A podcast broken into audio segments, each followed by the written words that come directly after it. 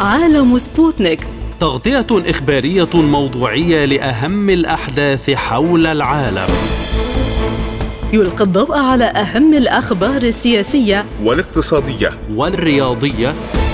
وجولة مع الأخبار الخفيفة من سبوتنيك بريك في عالم سبوتنيك. أهلا بكم مستمعينا الكرام في حلقة جديدة من عالم سبوتنيك. معكم خلال هذه الحلقة دعاء ثابت وخالد عبد الجبار والبداية بأبرز العناوين.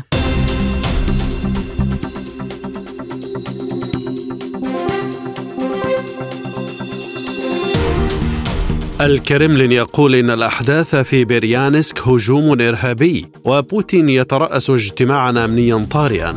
ميدفيديف يقول إن تسليم الناتو طائرات لكييف وصيانتها على أراضيه يعد دخولا مباشرا في الحرب ضد روسيا. الخارجية الروسية تقول إن الغرب يدفن بلا خجل الحزمة الإنسانية للأمين العام للأمم المتحدة. المجر تدعو لإنشاء نظير لحلف الناتو دون مشاركة أمريكا.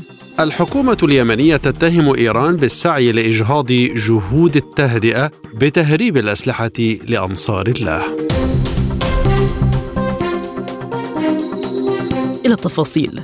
قال المتحدث باسم الكرملين إن الأحداث الجارية في بريانسك غربي البلاد هي هجوم إرهابي. مشيرا إلى أن الرئيس فلاديمير بوتين يعقد اجتماعا طارئا لمجلس الأمن الروسي وأنه سيترأس الاجتماع. يأتي ذلك فيما أفادت أجهزة الأمن الروسية بوقوع ضحايا وجرحى بين سكان مقاطعة بريانسك الروسية جراء اشتباكات مع مخربين أوكرانيين. وقالت الأجهزة الأمنية إن مجموعات من المخربين الأوكرانيين تسلل تسللوا إلى قريتين في منطقة بريانسك وأخذوا السكان المحليين رهائن في إحداهما. وأضافت أن مقاتلي الحرس الروسي تبادلوا إطلاق النار مع المسلحين. وقالت خدمات الطوارئ إن البيانات الأولية تشير إلى احتجاز عدد من المواطنين كرهائن في متجر في قرية ليوبهان في منطقة بريانسك. ووصف الرئيس الروسي فلاديمير بوتين هجوم المخربين الأوكرانيين في منطقة بريانسك بأنه عمل إرهابي.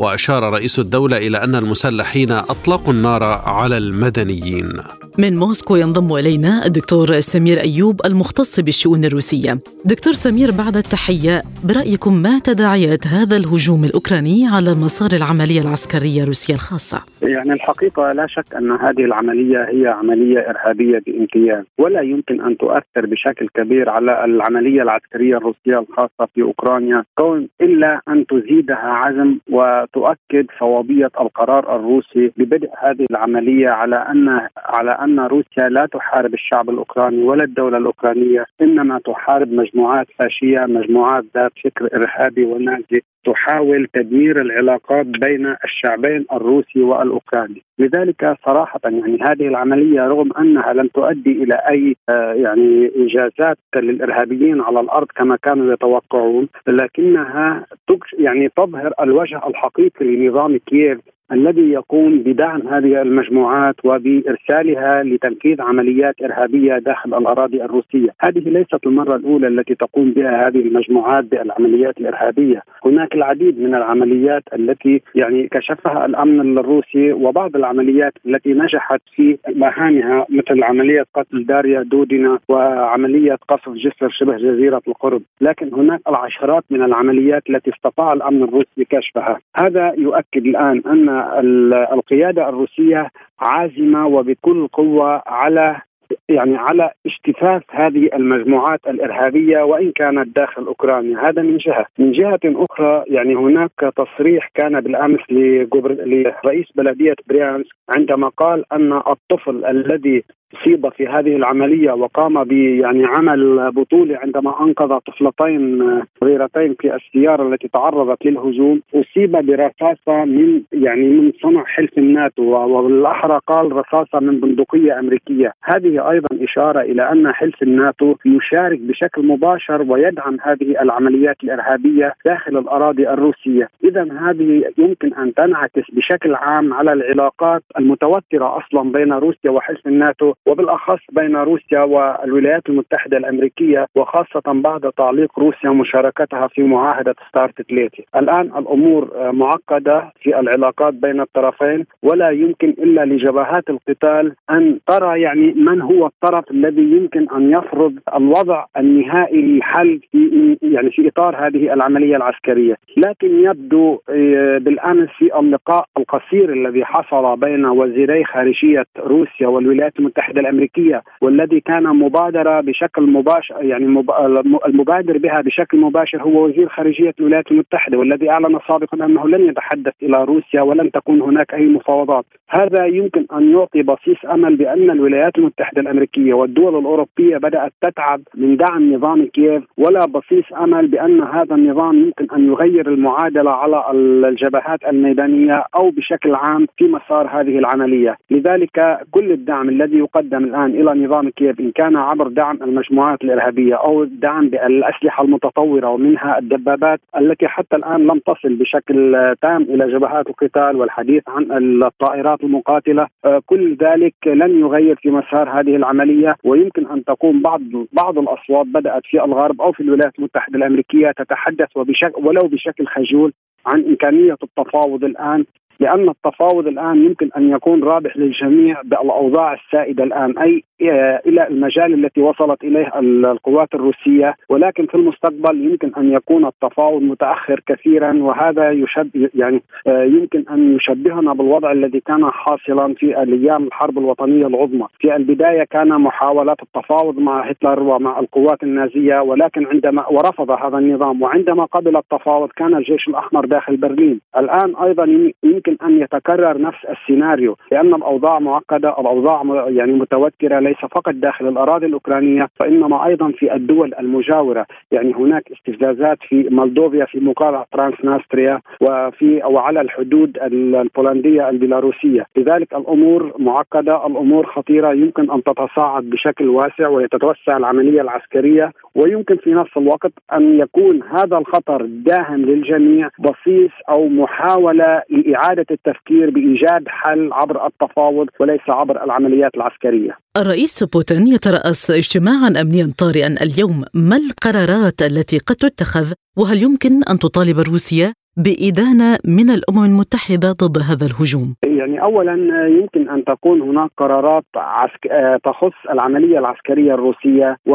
وزيادة عليها بأن تكون ليس فقط عملية عسكرية روسية خاصة وإنما يمكن يزاد عليها بند أنها عملية أيضا ضد المجموعات الإرهابية أي ضد الألعام... الأعمال الإرهابية ويمكن أن تكون قرارات معلنة أو غير معلنة من أجل يعني محاسبة المسؤولين بشكل مباشر عن هذه العملية العسكريه والمسؤولين الذين أعطوا الأوامر، يعني هذا يشبهنا بالأوضاع التي كانت تحصل في العام 1993 94 و 1999 عندما قامت المجموعات الإرهابية في الشيشان باحتجاز رهائن من المواطنين ودخول قرى وضيع مدنية لا علاقة لها بالمؤسسات العسكرية. ولاحظنا هناك العديد من بل مئات والآلاف سقطوا شهداء وقتل ضحايا لهذه الأعمال الإرهابية، كل القادة الذين شاركوا بهذه العمليات تم تصفيتهم أو تم اعتقالهم. لذلك الآن يمكن أن يكون هناك قرار يعني حاسم في تنفيذ نفس المهمة والقيام بنفس يعني الأعمال التي حصلت في السابق. ثانيا نعم من مصلحة روسيا الآن أن تقدم إلى مجلس الأمن قرار بأنها تعرضت لعمل إرهابي وهذا العمل الإرهابي جاء عبر الحدود الأوكرانية أي أن الدولة الأوكرانية هي مسؤولة عن هذا العمل بغض النظر إن كانت مشاركة بشكل مباشر أو غير مباشر ولكن هناك تصريحات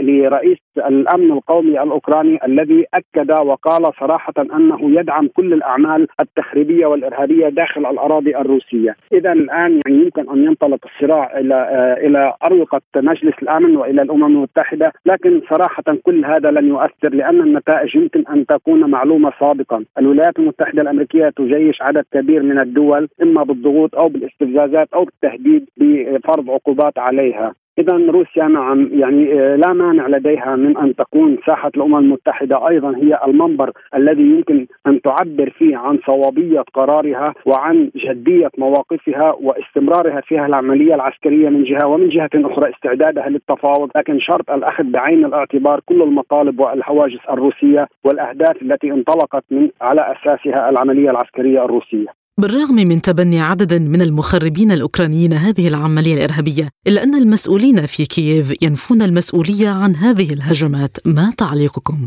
يعني الحقيقة هذه محاولة تهرب من المسؤولية من جهة ومن جهة أخرى خوف من الرد الروسي. يعني كنا نلاحظ كل عملية كانت تحصل داخل الأراضي الروسية وتقوم بها إما المخابرات الأوكرانية وهذا كان واضحا أو مخربين مدعومين من نظام أوكرانيا. كان هناك رد قوي وقاسي من قبل القوات الروسية. والآن يبدو أن هناك خوف من أن هذه العملية لا يعني ليس فقط يمكن أن يكون الرد عليها بإطلاق صواريخ على البنى التحتية للجيش الأوكراني، يمكن أن تكون هذه المرة استهدافات لقادة ولمركز القرار في كييف، يعني إذا ما تأكد روسيا إذا ما تأكدت روسيا من أن هناك أشخاص معينين في القيادة الأوكرانية هم الذين حرضوا وهم المسؤولين عن هذه العملية، أعتقد يمكن أن تكون هناك ضربات تطالهم بشكل شخصي، لذلك هذا الخوف والرعب الذي ينتاب النظام كييف بعد هذه العملية له أساسه، هذا من جهة، من جهة أخرى يعني إذا كان هذا النظام يحاول يعني أن لا يتحمل هذه المسؤولية، أعتقد أنه مح... أنها محاولة منه لعدم إحراج الدول الأوروبية التي تدعمه بكل الإمكانيات ومنها ال...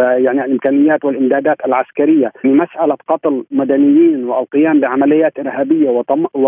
وتبني نظام كييف لهذه العمليات يحرج هذه الدول وخاصة الدول الأوروبية بأنها تدعم نظام إرهابي يشجع ويدعم العمليات الإرهابية ضد روسيا، هذا من شأنه أن يزيد التصاعد ويزيد التوتر في العلاقات أكثر مما هي متوترة.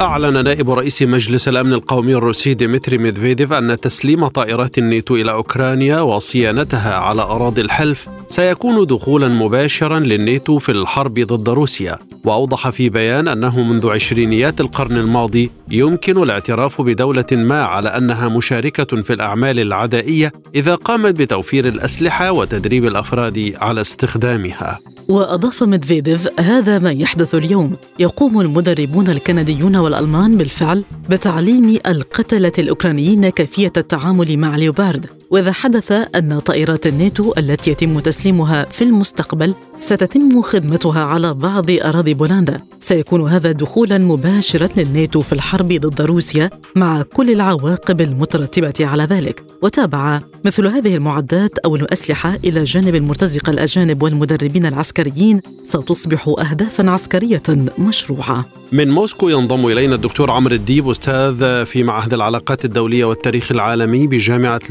لوباتشيفسكي ومدير مركز خبراء رياليست الروسي. دكتور عمرو بداية ماذا يعني حديث ميدفيديف حول تدخل الناتو مباشرة في الحرب ضد روسيا؟ آه يعني التدخل أو تصريح آه أظنه غير آه متأخر لأن الغرب بشكل أو بآخر هو منخرط بشكل فعلي في الحرب آه ضد روسيا من خلال الدعم العسكري الغير محدود والدعم المالي والدعم الاستخباري الغير محدود للقوات الأوكرانية. لذلك لا ننتظر مسألة إمداد الغرب بالطائرات أو بصواريخ بعيدة المدى لكي نقول أن الغرب يحارب روسيا. الغرب يحارب روسيا حتى قبل بداية الأزمة الأوكرانية وهذا الأمر أكده الرئيس الروسي فلاديمير بوتين أكثر من مرة بأن الغرب يريد تدمير روسيا وعندما يكون هناك نية لتدمير روسيا تعني هذه الكلمات أن هناك حرب بالفعل بين الغرب الجماعي بشكل خاص الغرب الانجلو ساكسوني الولايات المتحدة الأمريكية بريطانيا العظمى والاتحاد الروسي. مسألة أوكرانيا وما نراه خلال العام الفائت هو فقط نقطة ساخنة من ضمن النقاط الساخنة الكثيرة جدا بين الغرب والاتحاد الروسي. وهذا يعني أننا بالفعل في خضم حرب. أنا حتى يمكن اعتبار أن ما رأيناه خلال العام الفائت أننا عشنا العام الأول من الحرب الكبرى فقط ولكن الحرب مستمرة وستتخذ أشكالا أخرى صعبة في القريب العاجل لكن هل المخاطر تزداد من مواجهة مباشرة بين الناتو وروسيا؟ بالفعل استمرارا للإجابة السؤال الأول بالفعل المخاطر عالية جدا ومسألة المواجهة المباشرة يمكن أن تحدث في أي لحظة إذا ما تم الحديث عن دعم بالطائرات غلق السماء الاوكرانيه أمام الطائرات الروسية استخدام طائرات حديثة وما إلى ذلك ولكن هذا الأمر ليس بسبب ستكون المواجهة المباشره لكن المواجهة المباشره ستحدث لأن الخلافات بالفعل عميقة بداية من الخلافات الثقافية والتقاليد حتى الخلافات على الأمور الجغرافية والمناطق ومناطق النفوذ وتحديد الحدود سواء الحدود الحدود الجغرافية أو الحدود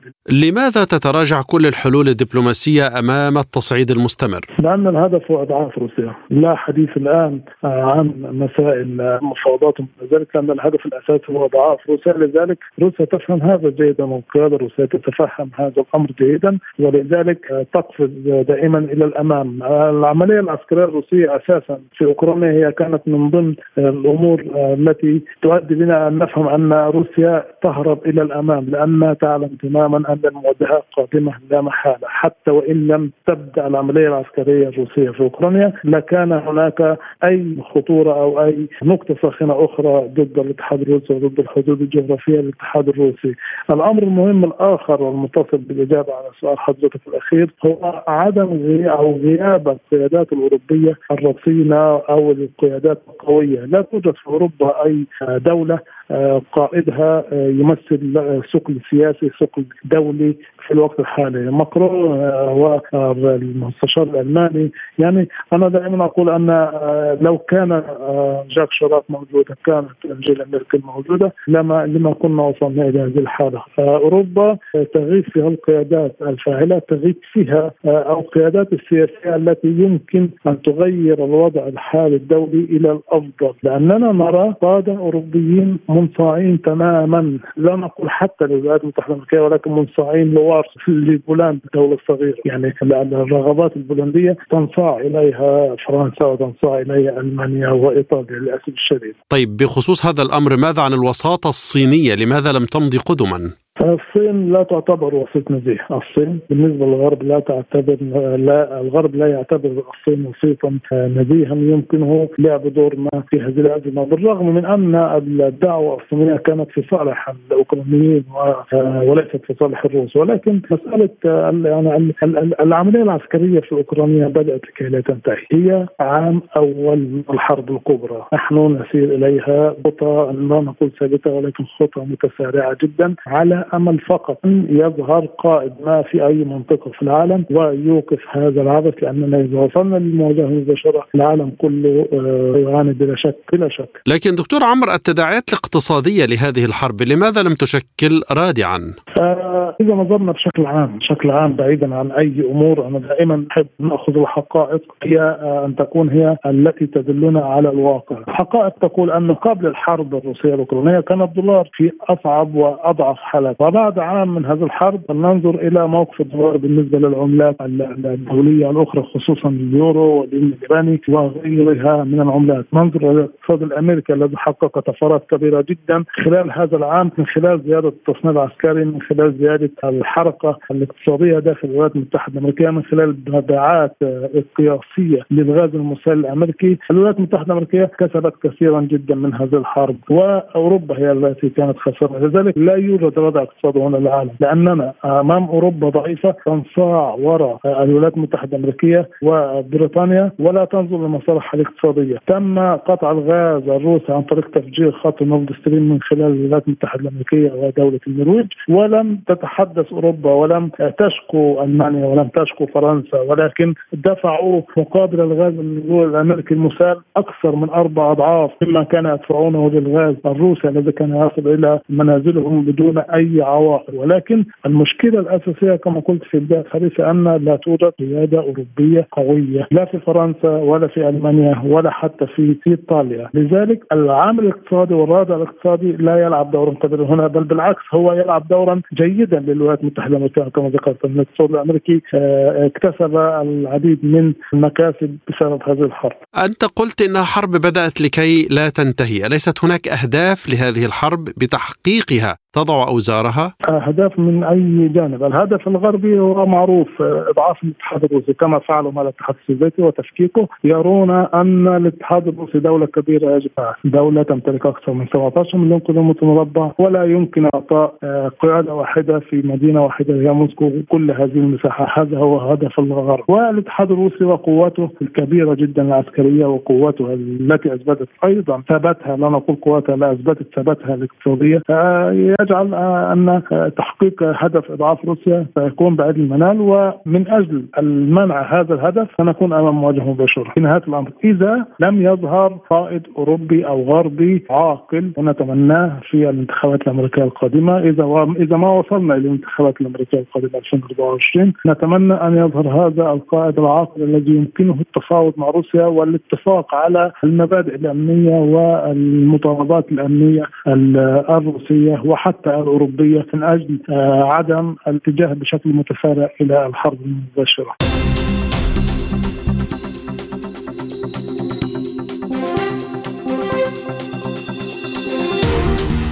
صرحت وزارة الخارجية الروسية في تعليقها على اتفاقيات اسطنبول بشأن الغذاء والأسمدة بأن الغرب يدفن بلا خجل المبادرة الإنسانية للأمين العام للأمم المتحدة أنطونيو غوتيريش. وقالت وزارة الخارجية الروسية أن موسكو مضطرة إلى القول إن حزمة الاتفاقات التي اقترحها أنطونيو غوتيريش والموقعة في اسطنبول في الثاني والعشرين من يوليو تموز 2022 لا تعمل وأن المشكلة الرئيسية هي التخريب من قبل الدول الغربية. لتنفيذ مذكرة روسيا والأمم المتحدة. ومن الواضح أن الأمريكيين والأوروبيين لا يهتمون باحتياجات الدول المحتاجة أو جهود الأمم المتحدة التي طالما حاولوا بعناد تحويلها إلى أداة لخدمة أهدافهم السياسية. وأضافت الخارجية الروسية أن حصة الأسد من إمدادات الحبوب من أوكرانيا تذهب إلى الاتحاد الأوروبي بأسعار منخفضة جدا وليس إلى أفقر الدول ويتم إعاقة الصادرات الزراعية الروسية بشكل علني بغض النظر عن الطريقة التي يقنع بها الأوروبيون والأمريكيون الجميع. للتعليق على هذا الموضوع ينضم إلينا من عمان أستاذ العلاقات الدولية الدكتور حسن المؤمني. دكتور حسن بعد التحية، الغرب يدفن بلا خجل الحزمة الإنسانية للأمين العام للأمم المتحدة، ما تعليقكم على تصريحات الخارجية الروسية؟ يعني هو كلنا يعلم مما لا شك فيه الصراع أو الحرب في أوكرانيا في لها البعد الإنساني وأنتجت مسألة يعني نقول التحدي فيما يتعلق في في الغذاء. ثم بعد ذلك جاء مسألة الاتفاق وكل هذه الجوانب. فلذلك يعني هذا الاتفاق جاء في صراع في سياق هذا الصراع خاصة في سياق الصراع الدبلوماسي الاقتصادي في هذا الأمر جاء. فلذلك بتقدير الشخصي مقابل ذلك روسيا ووزارة الخارجية الروسية تمثل الدبلوماسية الروسية تحاول أن يعني تثبت بأن الغرب هو الملام في تاجيج الصراع، الغرب هو الملام في التعاطي مع البعد الإنساني وبالتالي الغرب الذي يتشدق بالإنسانية وكل هذه الجوانب هو من يدفن الأبعاد الإنسانية في هذا الصراع خاصة مسألة الغذاء التي لها أيضا تداعيات عالمية في هذا الجانب، فأنا بتقدير الشخصي هو جزء من ما يسمى في حرب الملامة بين الطرفين بين الطرف الروسي والطرف الغربي، إضافة إلى ذلك بتقدير الشخصي يمكن بعض التصريحات اللي صدرت من الامين العام اللي تحدث عن خلينا نحكي الدخول الروسي على أوكرانيا ووصف في بعض الأوصاف بشغلات سلبية، فبتقدير الشخصي يعني يمكن كان في هنالك لطالما الأطراف حطت أمل على مسألة اتفاق الحبوب والاتفاقيات الأخرى المتعلقة في تبادل السجناء على اعتبار أن هذا الاتفاق والاتفاقات الأخرى قد تشكل نقطة ارتكاز تؤدي مثلا إلى حلحلة الأمور وقد تؤدي إلى عملية سياسية تنهي الصراع في في في أوكرانيا، اضف إلى ذلك بتقدير الشخصي مسألة الغذاء والحبوب هي ورقة أيضا ورقة مهمة في روسيا، الكل يعلم مسألة الغذاء وأيضا الطاقة. والكل يعلم بأنه في فترة بداية نشوب الصراع كانت مسألة الغذاء حقيقة من الأهمية بمكان وخلقت تأثيرات قوية على الاقتصاد العالمي. ثم بعد ذلك عندما تدخلت الأمم المتحدة وأيضا الأتراك كوساطة إلى حد ما خفت حدة التوتر وخفت حدة التأثيرات السلبية على الاقتصاد العالمي فيما يتعلق بالغذاء. بتقدير الشخصي قد تكون تصريح وزارة الخارجية الروسية. هي نوع من كمان قد يكون نوع من إرسال رسائل إلى الغرب بأن الغرب والعالم يعني لا يستطيع أن يستمر بفرض العقوبات على روسيا دون أن يكون عليه تكلفة على اعتبار أن هذه الورقة هي ورقة روسية تستطيع أن تضغط فيها بهذا الاتجاه. فهذه هي آه، يعني أنا بتقدير الشخصي هذا الهدف من وراها أيضا زي ما أشرت يعني هو يعني ضمن ما يسمى في دبلوماسية الملامه بحيث أن كل طرف يلقي الملامه على الآخر في تأجيج الصراع وفي أيضا التسبب في المشاكل العالمية ومن ضمنها الغذاء. لماذا يقوم الغرب بتعطيل الشق الخاص بالحبوب الروسية رغم تعهد الأمين العام للأمم المتحدة أكثر من مرة بتنفيذ الاتفاق كاملا ألا يمكن أن يؤدي ذلك إلى عدم تمديد الاتفاق الذي سينتهي في الثامن عشر من الشهر الجاري؟ هلا مما لا شك فيه بتقدير الشخصي في نهاية المطاف الاتفاق يجب أن يراعي مصالح الجميع. ولا أعتقد أن روسيا وافقت على هذا الاتفاق دون أن يكون هنالك مكاسب. لها زي ما تفضلت الأسمدة الاتفاق بحد ذاته هو نوع من إلى حد ما فك الحصار الجزئي على على روسيا بهذا الجانب بهذا الاتجاه. إذا أصبح الاتفاق أحادي وبتقييم القيادة القيادة الروسية بانها لا يوجد لروسيا مصلحة خاصة بهذا الأمر، أعتقد أن روسيا قد تلجأ إلى إيقافه، لكن قد تكون هذه هذا التصعيد الكلامي مقدمة لاما تثبيت حقوق أو انتزاع حقوق قبيل انتهاء هذا الاتفاق. للكل بيعلم أنه الجميع يرغب بتمديده، بتقدير الشخصي لا يعني روسيا لن توقع على شيء آه، دون أن يكون لها فائدة بهذا المعنى، دون أن يراعي مصالحها بهذا الجانب، الأطراف كلها قدمت تنازلات من أجل أن يكون هنالك مصالح متعلقة بالغذاء، لكن روسيا اذا إذا الأمر استمر في سياق الإحادي قطعا ما أعتقد أنها روسيا. وعلى العكس من ذلك أنا بتقدير الشخصي هذه الورقة هي ورقة رابحة بيد القيادة الروسية بهذا الأمر ويجب أن تنتزع مكاسب، فلذلك هذا التصريح زي ما حكيت إما إنه جزء من لعبة الملامة أو تحضير ل لأنه قد يعني عند عندما يحين الوقت وتبدأ المفاوضات من أجل التمديد الأطراف طبيعي راح تضع مطالبها وراح تضع شروطها بهذا الجانب فهو أنا بتقدير الشخصي تمهيد في سياق هذا التصعيد الإعلامي الدبلوماسي بين روسيا والغرب. هذا التصعيد الإعلامي ما تداعياته على الأمن الغذائي وبالتالي على الدول الفقيرة؟ هي لا شك فيه تؤثر سلبا وشفنا كيف أثرت أسعار الطاقة، شفنا كيف أثرت أسعار الغذاء، زي ما اشرتي على الدول الفقيره وسيدتي يعني في مثل في العلاقات الدولية بقول لك عندما يتصارع فيلان من يعاني؟ يعاني العشب يعني أنا بهذا التشبيه، فهي القوى الكبرى عندما تتصارع الدول الفقيرة التي لا تمتلك مقومات وامكانات هي التي تعاني لأنه كلنا يعلم بأن كثير من شعوب الدول الفقيرة تعتمد على الغذاء وتعتمد على الحبوب، أضف إلى ذلك الزراعة تعتمد على الأسمدة، فلذلك درجة على الجميع بيعاني، لكن في اقتصاديات عندها القدرة على تحمل هذه المعاناة، وفي اقتصاديات أصلا هي قائمة على المساعدات، بالتالي قطر راح تتأثر، وبالتالي قد يكون هذه هي المراهنة الروسية في استخدام هذا الورق، بمعنى أن إذا الغرب لم يصل إلى درجة من العقلانية، وبالتالي لم يراعي مصالح روسيا، قد تنتج أزمة اقتصادية عالمية أو قد ينتج يعني الان ارتفاع في أسعار الحبوب والتصدير. عندما يقل الطلب بده يكون في ارتفاع وهذه راح تكون تكلفة. وبالتالي هذه التكلفة على الدول الفقيرة قد تؤدي إلى مجاعات وتؤدي إلى ضغط على الأمم المتحدة.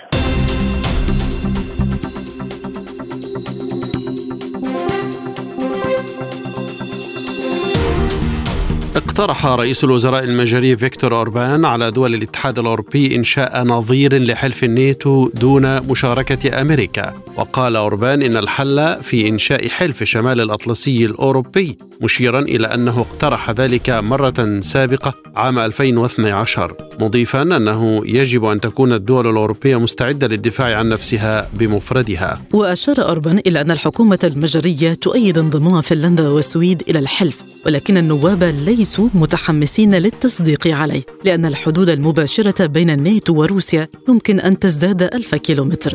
وفي وقت سابق اقترح ممثل الحزب اليمني المجري مي هازاك إلى دنواك خلال مناقشة في البرلمان حول التصديق على عضوية السويد وفنلندا في الناتو استخدام حق النقد الفيتو ضد توسيع الحلف. للتعليق على هذه التطورات ينضم إلينا من دمشق الخبير العسكري والاستراتيجي الدكتور محمد كمال الجفا. دكتور محمد بعد التحية، الدعوة المجرية ليست الأولى فقد كانت هناك دعوات ألمانية وفرنسية لإنشاء ما يعرف بقوة دفاع أوروبية مشتركة، ما هي العوائق؟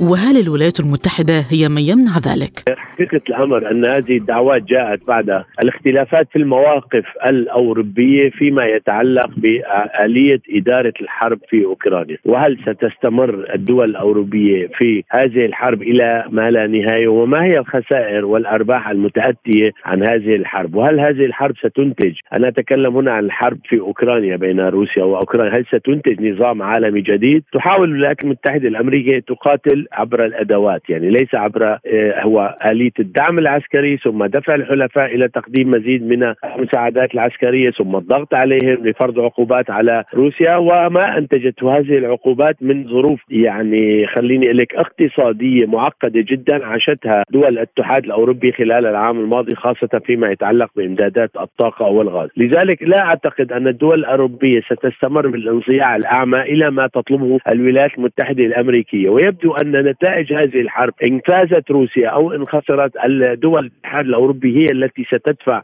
الثمن الكبير من جراء تداعيات هذه الحرب والتي ستمتد على سنوات طويلة، أعتقد أن هناك نظام عالمي جديد يتبلور وهناك بعض الرؤى أو بعض الأفكار التي تستطيع أن تتمرد على الإملاءات الأمريكية آه، لدول الاتحاد الاوروبيه للعودة تدريجيا إلى ما يسمى مصلحة أوروبا اولا، لكن متى ستنتج هذه الدعوات وهذه المطالب؟ نظام عالمي جديد أو حلف جديد يدافع فقط عن المصالح الأوروبية ومصالح الدول الأوروبية بغض بدون الانصياع بشكل كامل إلى مصالح الولايات المتحدة الأمريكية وحروبها المتنقلة عبر دول العالم وما أنتجته هذه الحروب من مآسي إنسانية منذ أكثر من 20 عاما حتى الآن. ربما نتطلع إلى أن يكون هناك رؤية جديدة أو تحالفات أو ربما ناتو جديد فقط يعتني بالمصالح الأوروبية اولا وليس المصالح الأمريكية وليس أداة طيعة لزجه في حروب لا ناقة ولا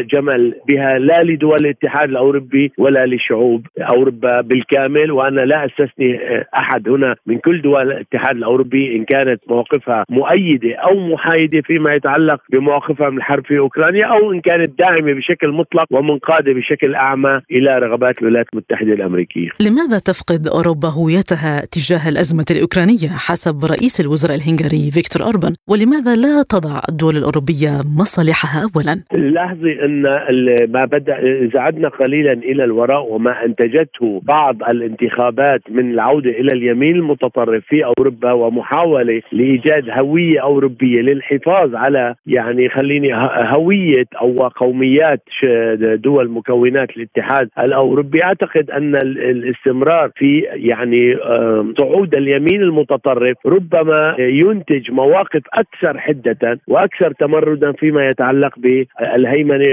والسيطره الأمريكية بالكامل، مواقف الدول الأوروبية حقيقه الأمر كما تفضل لم تستطع أن تنتج سياسات أوروبية آه، خالصة تضع في أولى اهتماماتها مصالح دول الاتحاد الأوروبي، لكن لاحظنا أن كل السنوات السابقة لم يكن هناك إلا مواقف تنصاع بشكل أعمى ربما لأسباب عديدة ربما ضغوطات ربما ما تحالف الاتحاد الأوروبي ربما العملة الموحدة. حقيقة الأمر هناك عدة أسباب كثيرة لا يمكن سردها الآن لآلية عمل منظومة الاتحاد الأوروبي أو البرلمان الأوروبي أو الحكومات المدعومة من قبل الولايات المتحدة الأمريكية والتي تتفاوت في موقفها من الإملاءات الأمريكية، بعض الحكومات تستطيع ان أن تقوم بانزياحات ما عن عن تطبيق الأوامر الأمريكية لكن بعض الحكومات حقيقة الأمر لا تناقش على الإطلاق في كل الاملاءات الأمريكية، ربما اليوم الظروف مناسبة لأن تتمرد بعض الحكومات وأن تحظى بدعم شعبي وحزبي وربما نصل إلى أولوية أن يكون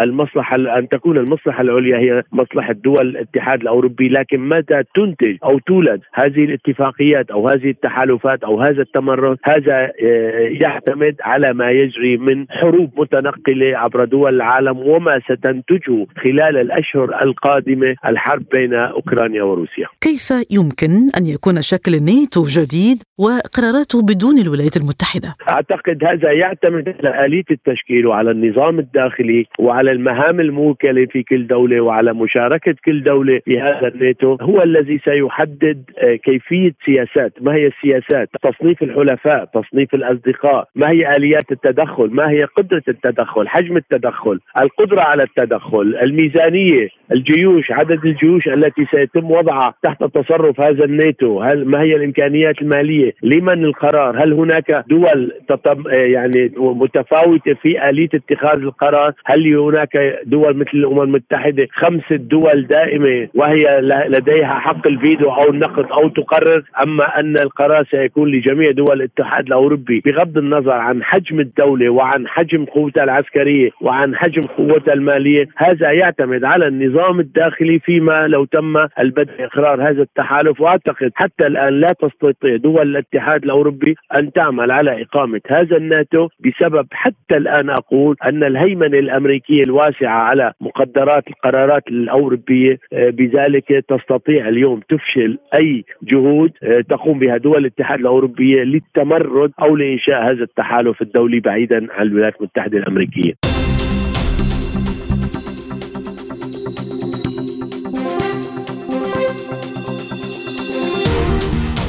اتهمت الحكومة اليمنية إيران بتقويض الجهود والمساعي الدولية للتهدئة في اليمن وتجديد هدنة الأمم المتحدة المنقضية مطلع تشرين الأول أكتوبر الماضي وذلك عبر تهريب الأسلحة إلى جماعة أنصار الله مطالبة المجتمع الدولي باتخاذ موقف إزاء ذلك. اتهامات الحكومة اليمنية استندت إلى تصريحات إعلامية بريطانية ترجح تهريب السلاح من إيران إلى حركة أنصار الله دون أي تأكيد حاسم حيث أعلنت البحرية البريطانية في وقت سابق ضبط صواريخ إيرانية في مياه الخليج مرجحة توجهها إلى اليمن وهو ما يجعلها مجرد استنتاجات تستهدف فقط تصعيد الصراع اليمني. وقال وزير الإعلام والثقافة والسياحة اليمني معمر الأرياني مستندا إلى التصريحات البريطانية. أن ضبط البحرية البريطانية شحنة أسلحة إيرانية جديدة كانت في طريقها للحوثيين تتكون من صواريخ موجهة مضادة للدبابات إيرانية الصنع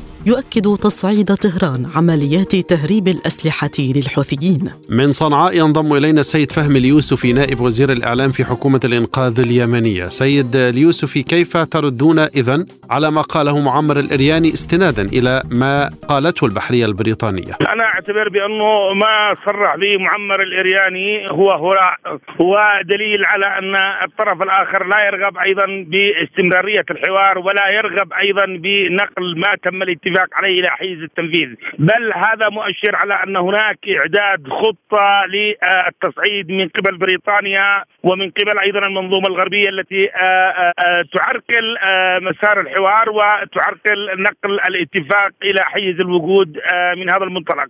وبالتالي معمر الإرياني هو يتحدث دائما ما يأتي إليه من تلك المطابخ للرباعية هدفها التنصل عن الحوار والبدء بالتصعيد. وطالما اشار إلى بريطانيا أو البحرية البريطانية. دليل على أن بريطانيا اليوم تتواجد في السواحل اليمنية بشكل غير شرعي. وبحكم أن بريطانيا أيضا قد تبنت القرار الأخير لتمديد العقوبات في مجلس الأمن بريطانيا هي اللاعب الأساسي اليوم في هذه اللعبة التي تدار على عسكرة البحر الأحمر من قبل دول الرباعية تحديدا. وهذه العسكرة دائما يضعون لها مخرجات. هذه المخرجات تكون مبررات على أساس انها كما أسلفت على أساس أن آه، هم قبضوا أسلحة مهربة إلى اليمن من إيران. وهذا الكلام غير صحيح. فإذا كانت مهربة إلى إيران كان عليهم أن يثبتوا ذلك يحددوا آه، ويحددوا هذه الاتهامات مع إيران ذاتها، بالتالي آه، نحن نعتبر بأن آه، مثل هذه الاتهامات ليست غريبة علينا، هذه الاتهامات هي جزء أيضا من التضليل يقوم بها يقوم بها الاجندات العدوان من معمر الارياني وغيره، نحن لم تصل إلينا أسلحة ولدينا اكتفاء ذاتي بالأسلحة بالنسبة لنا، لكن نحن بحاجة إلى مزيدا من الغذاء بهذا صدد مزيدا إلى الدواء أن يصل مزيدا أي يكسر الحصار بشكل كامل وهذه التبريرات هدفها الاستمرارية الحصار على اليمن واستمرارية عسكرة البحر الأحمر ودليل على أنهم آه، يعدون ويحضرون لتصعيد عسكري جديد من قبل آه، آه، تحديدا دول الرباعية وبقية دول العدوان. لكن لماذا تأتي هذه الاتهامات رغم أن الحكومة اليمنية تجد تحالفا كاملا يحارب معها بقيادة السعودية. يا عزيزي هذه الاتهامات دليل على عدم رغبة دول التحالف بالحوار. آه، دليل على أنهم فقط يماطلون ويبررون آه، تلك الاتفاقات. دليل على أنهم لم يحترموا حتى الوسطاء بمثل هذه الأشياء الوسطاء العمانيين الذين جاءوا وبذلوا جهود كبيرة للوساطة ما بين اليمن ما بين اليمن وبقية دول التحالف. أي هذا يؤكد رغبتهم بأنهم لن يصرفوا مرتبات الموظفين لن لن يكسروا الحصار بل آه، مؤشر على أنهم بصدد إعداد وتحضير لتصعيد عسكري جديد من قبل هذه الدول. لكن سيد فهمي لماذا تشككون فيما قالته البحرية البريطانية آه، التي يتكلم عنها الأرياني؟ يا عزيزي دائما بريطانيا بريطانيا هي ليس لها الحق في أن تتواجد بالمياه السيادية اليمنية ووجودها في السيادة اليمنية من الطبيعي أن تنسج مثل هذه المبررات الواهية والوهمية على اعتبار أن وجود البحرية العسكرية في المياه السياديه اليمنية لبريطانيا هو انتهاك لسيادة اليمن ارضا وشعب ودليل على أن هناك دور كبير لبناء قواعد عسكرية من قبل بريطانيا والأمريكان وغيرهم في البحر الأحمر ومن الطبيعي بهذه الحالة أن ينسجوا مبررات واهية ويسوقوها للرأي العام عبر أدواتهم وعبر أبواقهم الإعلامية من الأجندات في الداخل. وما هو مصير مفاوضات تمديد الهدنة في ضوء التطور الأخير؟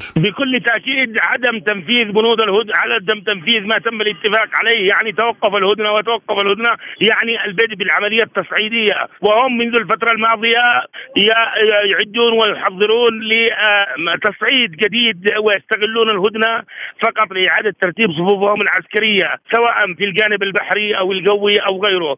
هذا آه، يقاس من خلال الإعلان عن تأسيس درع الجمهورية التي الذي أعلنه رشاد العليمي دليل على أن هناك إعادة لتموضع عسكري من قبل آه، دول تحالف العدوان وكافة الأجندات التابعة لها. الإرياني طالب الأمم المتحدة باتخاذ موقف مما حدث، ما مستقبل هذه المطالبات؟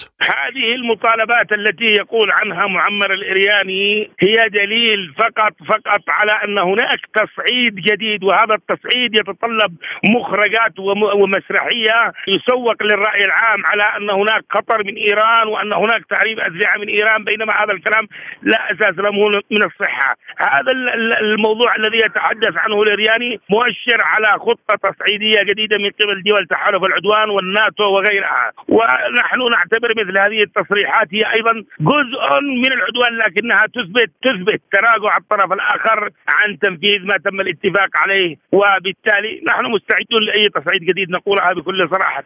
إذا لم يلتزم الطرف الآخر ونعتبر بأن الهدنة اليوم قد انتهت طالما الطرف الآخر قد تنصل ونسك مبررات واهيه ووهميه وسوقها للراي العام. وما مصير مفاوضات التسوية وفق مرجعية السويد وغيرها من المرجعيات؟ المستقبل المفاوضات أصبح مجهول طالما الطرف الآخر لم يلتزم بتنفيذ حتى على مستوى الملف الإنساني المرتبط بمرتبات الموظفين المرتبط بغذاء الناس فهذا يقاس أن الطرف الآخر ليس جديا في أي عمل تفاوضي مستقبلي كما كان تنصل وتهرب وماطل خلال الفترة الماضية فهو يكرر نفس السيناريو ويكرر نفس اللعبة المهمية ويكرر نفس اللعب الخداعية حتى اليوم.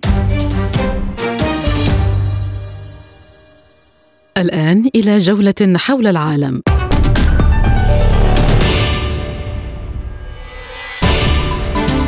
صرح القائم بأعمال رئيس جمهورية دونيتسك الشعبية يان جاجين بأن مدينة أرتوموفسك باخموت تمت محاصرتها بالكامل فعليا. وأكد جاجين في تصريحات أن أرتوموفسك الآن محاصرة عمليا. والقوات الروسية في وسط المدينة وحلقة التطويق مغلقة من الناحية العملية. وتقع أرتيوموفسك باخموت في الجزء الذي تسيطر عليه كييف من جمهورية دونيتسك شمال مدينة غورلوفكا الكبيرة وهي مركز مركز نقل مهم لتزويد مجموعة القوات الأوكرانية في دونباس. دمر الجيش الروسي قاعدة من الغواصين الأوكرانيين في مدينة ميكولايف حيث كان المدربون العسكريون البريطانيون يعدون طائرات بدون طيار للهجمات على السفن العسكرية الروسية. وقال أحد مقاتلي المقاومة في ميكولايف إن معلومات جاءت بأن النازيين قرروا إنشاء وحدة تخريب غواصة في جزيرة مايسكي وتم إرسال مدربين بريطانيين إلى هناك للتدريب حول كيفية استخدام الطائرات بدون طيار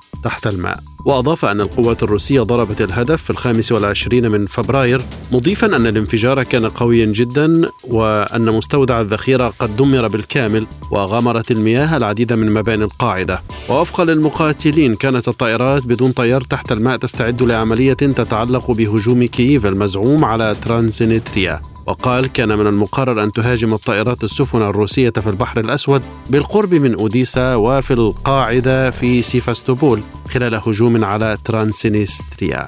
نشر جهاز الأمن الفيدرالي الروسي لقطات لآثار التخريب الأوكراني في منطقة بريانسك حيث أظهر الفيديو السيارة التي تم إطلاق النار عليها وكذلك أسلحة المخربين. وتظهر في الفيديو سيارتان تم إطلاق النار عليهما في كل منهما جثة في مقعد السائق. بالإضافة إلى ذلك تم عرض أسلحة تركها المسلحون بما في ذلك ألغام وقاذفة قنابل يدوية الصنع.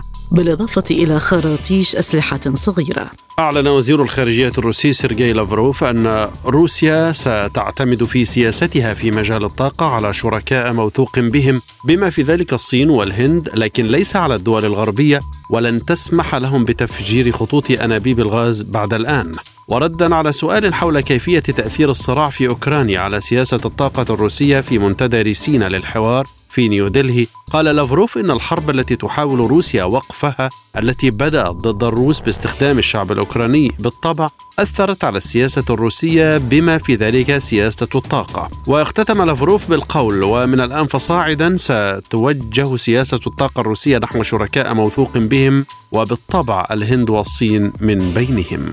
أدانت مصر بأشد العبارات في بيان صادر عن وزارة الخارجية التصريحات التحريضية لوزير في الحكومة الإسرائيلية والتي دعا فيها إلى محو قرية حوار الفلسطينية. وأشار البيان إلى ما تمثله هذه التصريحات من تحريض خطير وغير مقبول على العنف. يتنافى مع كافة القوانين والأعراف والقيم الأخلاقية ويفتقر للمسؤولية التي يجب أن يتحلى بها أي مسؤول يشغل منصبا رسميا. كما أكد البيان على الموقف المصري الداعي إلى وقف الأعمال الاستفزازية أو التحريضية ضد أبناء الشعب الفلسطيني ووضع حد للإجراءات الأحادية بهدف تحقيق التهدئة بين الجانبين الفلسطيني والإسرائيلي وتهيئة المناخ لاستئناف عملية السلام على أساس مبدأ حل الدولتين وقرارات الشرعية الدولية. كشف البيت الأبيض عن استراتيجيته القومية للأمن السيبراني وذلك بهدف التأسيس لفضاء إلكتروني آمن متهما الصين بأنها تمثل التهديد الأوسع لشبكات الحكومة والقطاع الخاص في الولايات المتحدة.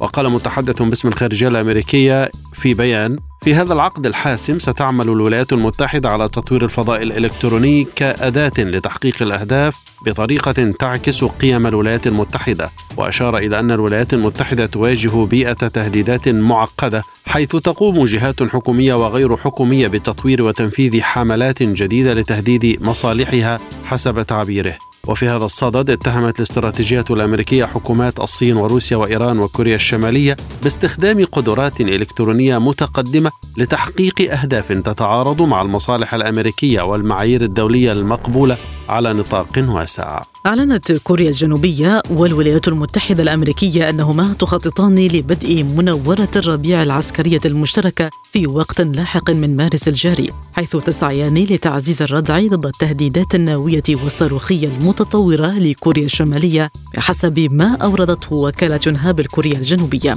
وذكرت الوكالة أنه من المقرر إجراء مناورات درع الحرية في الفترة ما بين الثالث عشر إلى الثالث والعشرين من مارس الجاري بلا انقطاع وهي أطول فترة على الإطلاق تجرى فيها مناورات مركز القيادة المشتركة بمحاكاة الكمبيوتر وفقا لهيئة الأركان المشتركة لكوريا الجنوبية والقوات الأمريكية في كوريا. والآن إليكم تذكرة بأبرز عناوين هذه الحلقة.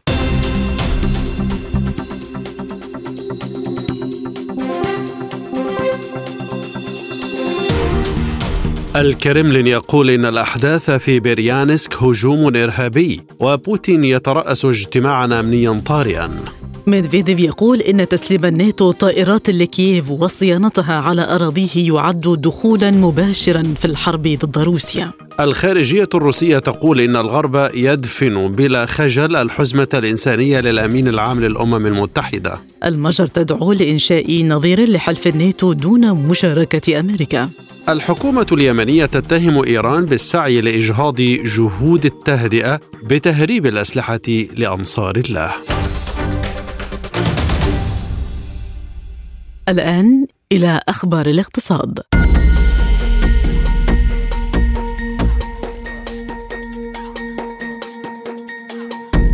كشفت مجموعة سيكزها الروسية المتخصصة في تصدير الأخشاب عن اختيار جمهورية مصر العربية لتدشين مصنع كبير للشركات هناك. وأوضحت الشركة أنها تعتبر مصر هي الخيار الأكثر واقعية لإنشاء شركة تغليف والتي تستخدم في الحفاظ على الأخشاب من التلف. وأوضح نائب الرئيس التنفيذي للشركة وفقا لصحيفة فيدوموستي الروسية أن مصر هي الاختيار الأنسب لتأسيس مصنع كبير لصناعة هذه الأغلفة المستخدمة في مجال الأخشاب وكانت مجموعة سيغزها الروسية المتخصصة في تصدير الأخشاب قد أوقفت عمليات تسليم المنتجات إلى أوروبا وأعادت توجيه معظم الكميات إلى الدول الآسيوية ومصر. حددت شركة أدنوك للغاز السعر النهائي للاكتتاب العام عند درهمين فاصل ثلاثة من عشرة من الدرهم للسهم. مما يعني أن الشركة ستجمع حوالي تسعة مليارات درهم أي ما يعادل ملياري دولار ونصف المليار من الطرح. التسعير جاء دون التوقعات التي كانت تشير إلى زيادة الإقبال على الاكتتاب عند الحد الأعلى للنطاق السعري الذي تراوح بين درهمين وربع ودرهمين ونصف للسهم. الاكتتاب العام لأدنوك للغاز سيصبح الأكبر على الإطلاق في سوق أبو ظبي للأوراق المالية متجاوزا الاكتتاب العام لشركة بروج التابعة لأدنوك وبلغ إجمالي الطلب على أسهم الطرح 124 مليار دولار من قبل المؤسسات والأفراد مما يعني أن تغطية الاكتتاب بلغت 50 مرة وفق بيان صادر عن الشركة. أعلن وزير النفط الإيراني جواد أوجي أن بلاده حققت أعلى مستوى لتصدير السوائل الغازية خلال السنة الإيرانية الحالية التي تنتهي بعد أسبوعين وذلك منذ عام 2019 وخلال افتتاح المرحلة الرابعة عشرة من تطوير حقل باريس الجنوبي وعد أوجي بأن قطاع النفط والطاقة سيحقق الجزء الأكبر من احتياجات البلاد للعملة الصعبة مؤكدا أن إيرادات هذه العملة ستزداد يوما بعد يوم. وأوضح أوجي أن المرحلة الرابعة عشرة من حقل باريس الجنوبي تمثلت بافتتاح آخر مصفى بري. فيما سيتم افتتاح المرحلة الحادية عشرة بعد شهر أو شهرين وهي آخر منشأة بحرية في الحقل مضيفا أن هذه المنشأة ستنتج 240 مليار متر مكعب من الغاز سنويا على مدى 100 عام وأفاد بأنه تم استثمار 150 مليار دولار في حقل باريس الجنوبي ودرت حتى الآن أكثر من 400 مليار تومان من الدخل للبلاد معلنا أنه حاليا يتم إنتاج 705 ملايين متر مكعب من الغاز يوميا في هذا المجمع.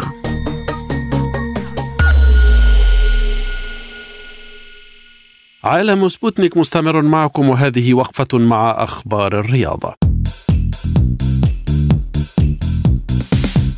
خرج فريق برشلونة بفوز ثمين من ملعب غريمه التقليدي ريال مدريد 1-0 في لقاء الكلاسيكو في ذهاب الدور النصف النهائي لمسابقة كأس ملك إسبانيا لكرة القدم. وجاء هدف الفوز الوحيد بنيران صديقة سجله البرازيلي إيدير ميليتاو. مدافع فريق ريال مدريد خطأ في مرماه عند الدقيقة السادسة والعشرين من زمن الشوط الأول للقاء الذي جرى على ملعب سانتياغو برنابيو في العاصمة مدريد. وقطع فريق برشلونة شوطا كبيرا نحو المباراة النهائية لمسابقة كأس إسبانيا لكرة القدم خاصة أن مباراة الإياب ستقام على أرضه في ملعب سبوتيفاي كامب نو يوم الخامس من أبريل المقبل. وجه الاتحاد الدولي لكرة القدم رسالة إلى النجم المصري محمد صلاح بعد مساهمته في فوز فريقه ليفربول على ضيفه وولفرهامبتون مساء الأربعاء ضمن الدوري الإنجليزي الممتاز لكرة القدم. ونشر الحساب الرسمي للفيفا على موقع تويتر صورة للنجم محمد صلاح معلقا عليها. الوصول إلى القمة هي الخطوة الأولى. الحفاظ على القمة هي الخطوة الأصعب لكنها ممكنة بالجد والعمل. وأحرز محمد صلاح الهدف الثاني للريدز بحلول الدقيقة 77 من زمن اللقاء الذي جرى على ملعب أنفيلد.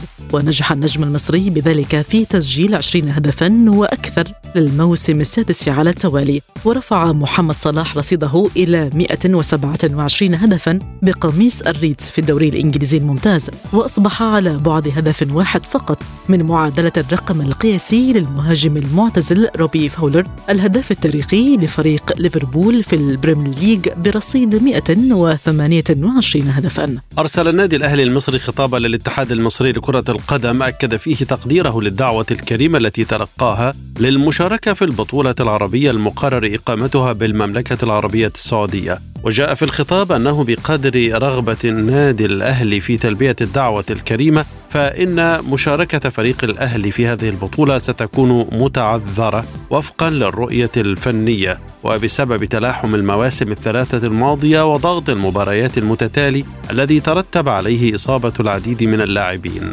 كما أن الموسم الكروي المحلي سوف تنتهي فعالياته يوم الخامس عشر من يوليو القادم بينما تبدأ منافسات البطولة العربية يوم العشرين من الشهر نفسه وتنتهي في الخامس من أغسطس المقبل. وبالتالي لن يحصل لاعبو الأهلي على أي فترات راحة بين الموسمين لذا يعتذر النادي عن عدم المشاركة في البطولة العربية. وإلى بطولة عربية أخرى لكن بمشاركة الأهلي المصري الذي توج بلقب البطولة العربية للكرة الطائرة للأندية بعد تغلبه على النصر البحريني بثلاثة أهداف لا شيء في النهائي الذي أقيم بصالة استاد القاهرة. ونال الأهلي اللقب عن استحقاق بعد فوزه في جميع مواجهاته ليحقق اللقب للمرة الثامنة. وفاز السيب العماني بالمركز الثالث بعد تغلبه على الوكرة القطري بثلاثة أهداف لهدف. وهذه وقفة مع الأخبار الخفيفة والمنوعة وسبوتنيك بريك.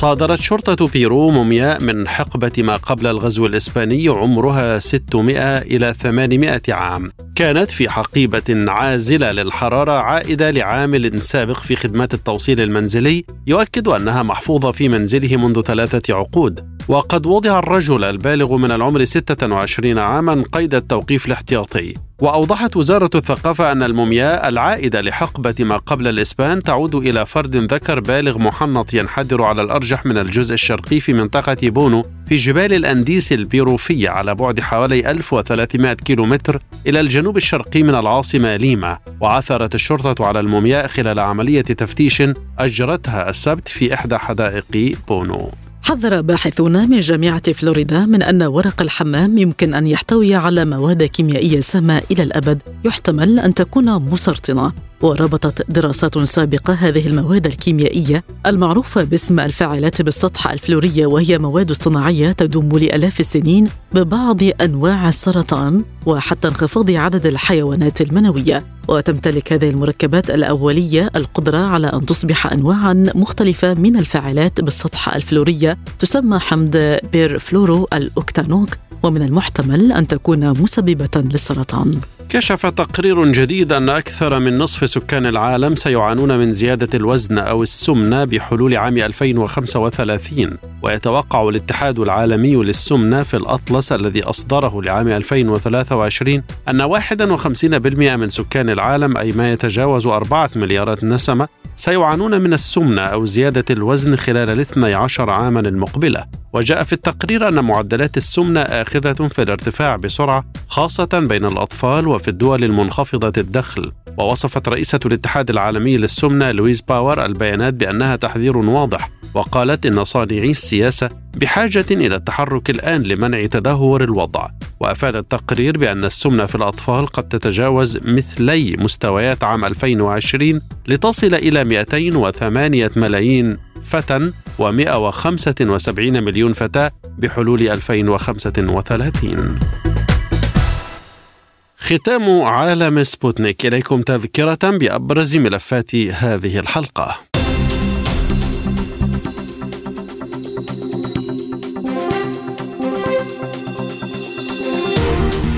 الكرملين يقول إن الأحداث في بريانسك هجوم إرهابي وبوتين يترأس اجتماعا أمنيا طارئا. ميدفيديف يقول إن تسليم الناتو طائرات لكييف وصيانتها على أراضيه يعد دخولا مباشرا في الحرب ضد روسيا. الخارجية الروسية تقول إن الغرب يدفن بلا خجل الحزمة الإنسانية للأمين العام للأمم المتحدة.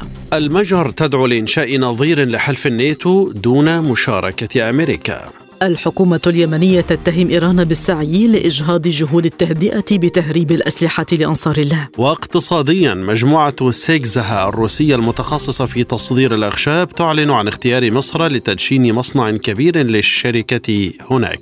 ورياضيا برشلونة يفوز على ريال مدريد بهدف للا شيء في لقاء الكلاسيكو في ذهاب الدور النصف النهائي لمسابقة كأس ملك إسبانيا لكرة القدم.